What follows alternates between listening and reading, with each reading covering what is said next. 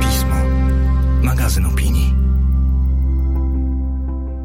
Wiersz na poniedziałek, czyli zacznij swój tydzień od poezji wybieranej i omawianej przez redaktorkę naczelną pisma. Nazywam się Magdalena Kicińska i zapraszam do słuchania podcastu. Partnerem cyklu jest Instytut Kultury Miejskiej w Gdańsku, organizator festiwalu Europejski Poeta Wolności. Dzień dobry, cześć, dobry wieczór.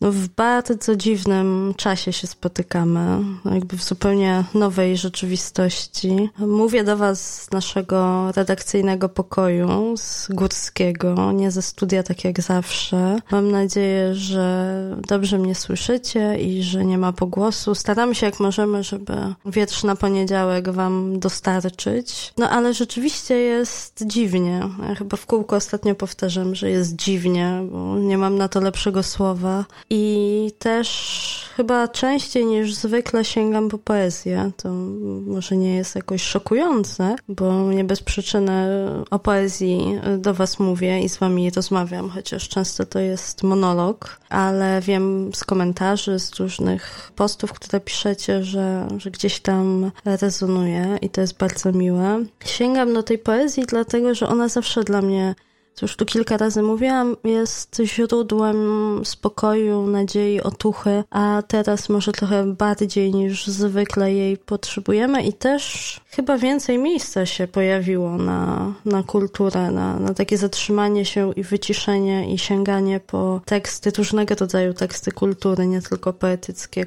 na które na co dzień nie mamy czasu, albo które nam nie pasują do, do pędu, do biegu, do naszego codziennego rytmu. Kilka dni temu, w czwartek bodajże, Festiwal Miłosza, którego miałam zaszczyt być gościnią w zeszłym roku, poprosił mnie o wybranie jednego z wierszy Czesława Miłosza po to, żeby mimo wszystko, mimo że e, święta, różnego rodzaju święta poezji, które przypadają na poprzedni weekend, na sobotę sobotę 21 marca się nie odbyły, to żeby mimo wszystko o poezji pamiętać i gdzieś ją, gdzieś ją przypomnieć. I wybór wiersza noblisty jednego tylko jest ogromnie trudnym zadaniem, bo mówiąc kolokwialnie zasób jest ogromny.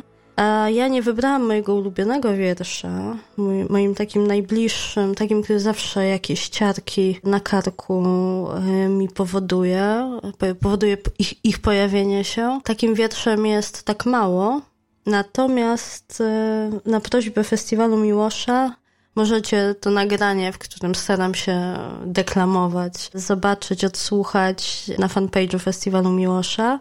E, wybrałam wyprawę do lasu bo za lasem, który teraz właśnie w marcu, pod koniec marca, zwłaszcza kiedy jest tak ciepło, się budzi do życia i kiedy się zaczynają tam pojawiać różne rośliny i ptaki ćwierkają, jest tak cudownie, to jest wiosna w pełnym tego słowa znaczeniu. No bardzo mi go brakuje, ale z wyjątkiem przyjście tutaj na Górskiego, żeby nagrać podcast, staram się karnie siedzieć w domu, więc na taką wyprawę poetycką do lasu się wybrałam i można tego wiersza w moim wykonaniu posłuchać. A jeśli już mówimy o festiwalach, to właśnie w sobotę razem z Jakubem Dowgirtem, który od samego początku dla Was nagrywa ten podcast, mieliśmy pojechać do Gdyni, bo miała się odbyć tam gala Festiwalu Europejski Poeta Wolności. Ale tak jak bardzo wiele innych wydarzeń z przyczyn oczywistych, ten zwrot z przyczyn oczywistych albo z przyczyn wiadomych już nam wszedł chyba do języka w ostatnich tygodniach. No więc z przyczyn wiadomych i oczywistych gala się nie odbyła, zostanie przeniesiona na czerwiec, bo mamy nadzieję, że w czerwcu wrócimy już do jako takiej nowej normalności. Mieliśmy tam e, pojechać i nagrać dla Was relacje z tego wydarzenia. Mam nadzieję, że to się nie, nie zawiesi, a powróci ta okazja już za kilka miesięcy. Ale mimo tego, że gala się nie odbyła, to my kontynuujemy naszą podróż europejsko-poetycką, chociaż no właśnie wszelkie podróże teraz się stały bardzo trudne, jeśli nie niemożliwe, to te poetyckie jak najbardziej. I, i ta moc poezji przenoszenia nas w różne miejsca, w różne stany, zabierania nas tu i teraz. Chyba bardziej niż na co dzień się pojawia i zaprasza. Przekraczamy więc granice nie fizycznie, ale kulturowo, myślowo, mentalnie, poetycko. Wybrałam dla Was wiersz e, pod tytułem Jasełka z tomu Sinead Morrissey, irlandzkiej poetki, której tomik o równowadze, przełożony przez Magdę Heidel, jest również nominowany w tym roku do Nagrody Europejskiego Poety Wolności. Autorka, co ciekawe, w 2014 roku została wybrana w Belfaście na poetkę laureatkę takie stanowisko, tytuł, który właśnie wtedy sześć lat temu po raz pierwszy Belfast zdecydował się nadać. I wiązało się to z tym, że poetka laureatka była tak jakby patronką kulturalną miasta i wokół jej poezji, ale też wokół propozycji poetyckich i, i nie tylko poetyckich, literackich, artystycznych, które ona podsuwała, w jakimś stopniu życie kulturalne Belfastu się toczyło. Wydało mi się to bardzo interesującym pomysłem i być może wartym gdzieś zaszczepienia w Polsce. Gdyby Polska, no Kraków to oczywiście nobliści poetyccy, noblistka i noblista ze swoimi festiwalami, konkursami i, i działaniami artystycznymi wokół Szymborskiej i Miłosza, ale tak sobie myślę, że może inne miasta, może Gdynia właśnie, bardzo z poezją związana, a może jeszcze jakieś inne ośrodki wymyśliłyby taką inicjatywę, to może to też byłby jakiś krok, żeby poezję gdzieś w przestrzeni miejskiej społecznej osadzić.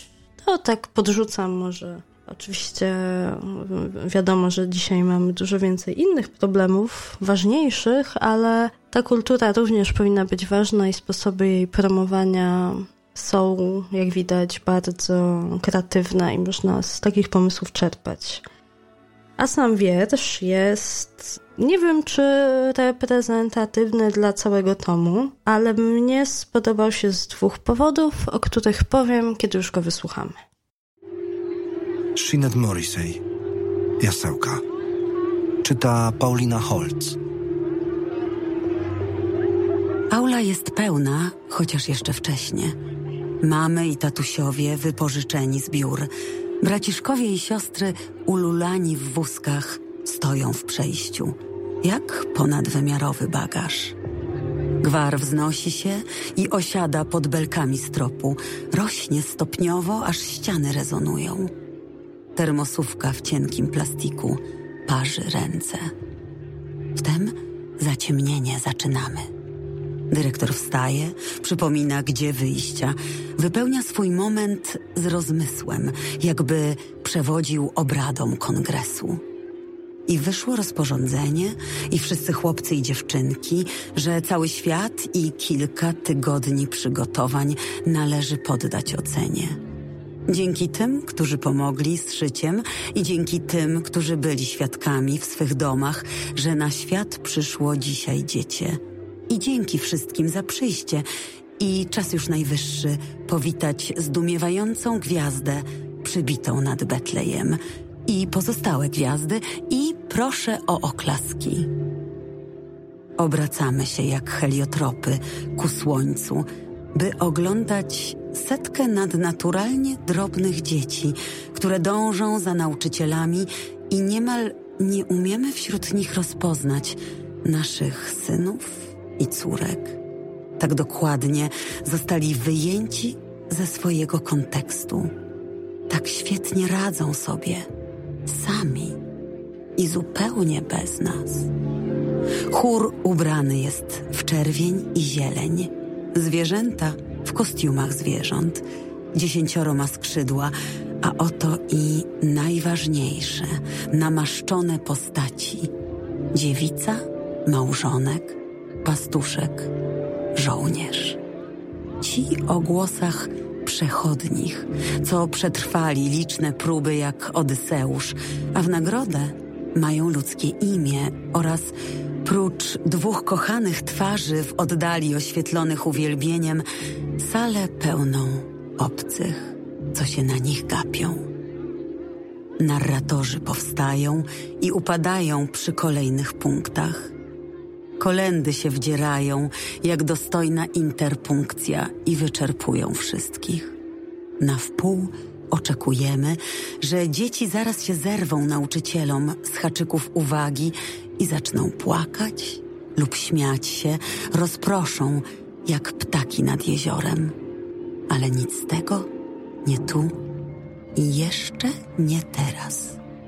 A nam zostaje rząd chłopczyków w nocnych koszulach, ulizanych jakby krowim językiem, Maryja w sukni, Emanuel w kolebce, skromny i niewymawialny. Zapowiedź kierująca blask swojej gwiazdy na dwie strony. I pełna gwiazd arena, na którą wprowadziliśmy ich, ludzi przez nas stworzonych, których kadzidło i mirrę wdychaliśmy, gdy się rodzili. I bardzo nam przykro, ale nie wiemy, jak to się stało, ani jakie były polecenia. Zostali w gryzących pod kolanówkach, trzymając wzniesiony znak. I jak to się skończy?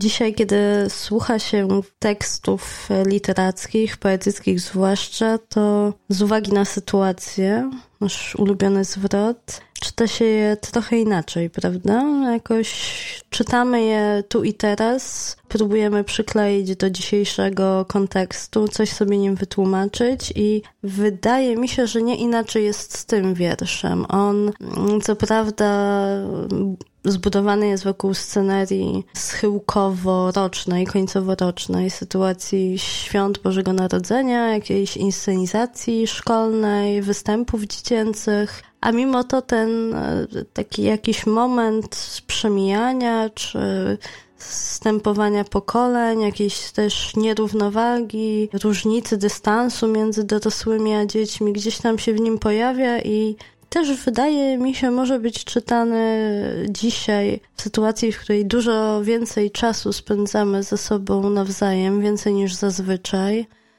Trochę możemy sobie popatrzeć, jak w laboratorium, na te nasze relacje, na ten nasz stosunek do bliskich, na to, jak spędzamy ze sobą czas, jak, jak wiele rzeczy nam gdzieś tam umyka w tej codzienności, w biegu bardzo jakoś ta, ten uniwersalny sposób odczytywania tego wiersza do mnie przemówił.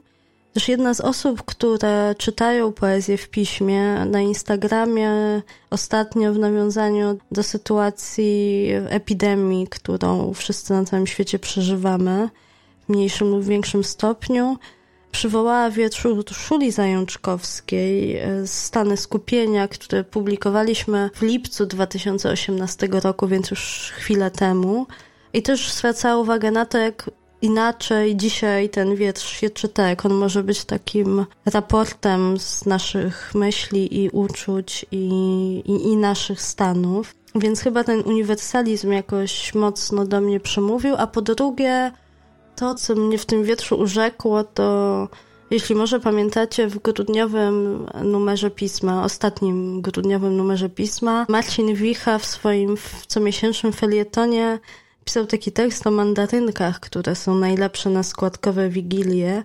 Jakiś taki nastrój tego napięcia między pokoleniami, tego dystansu, bliskości, która często jest z powodu tego, że nas różnią pokolenia trudna coś podobnego, jakiś nastrój, jakiś, jakiś stan jest w tym wietrzu, który w felietonie Marcina również się pojawił. I bardzo ciekawe wydało mi się to, jak podobną sytuację opisuje mężczyzna z Polski, z Grochowa i poetka z Irlandii, z Belfastu. I gdzieś tam się spotykają różnymi spojrzeniami, ale w podobnym miejscu bardzo ten wiersz i ten tomik o równowadze, zwłaszcza w czasie, w którym ta równowaga dookoła nas, w nas samych się mocno zachwiała. Bardzo Wam polecam. I do usłyszenia za tydzień, w poniedziałek, z kolejnym wietrzem. Trzymajcie się zdrowo, zostańcie w domu, czytajcie poezję. To jest bardzo dobry czas na nadrobienie zaległości.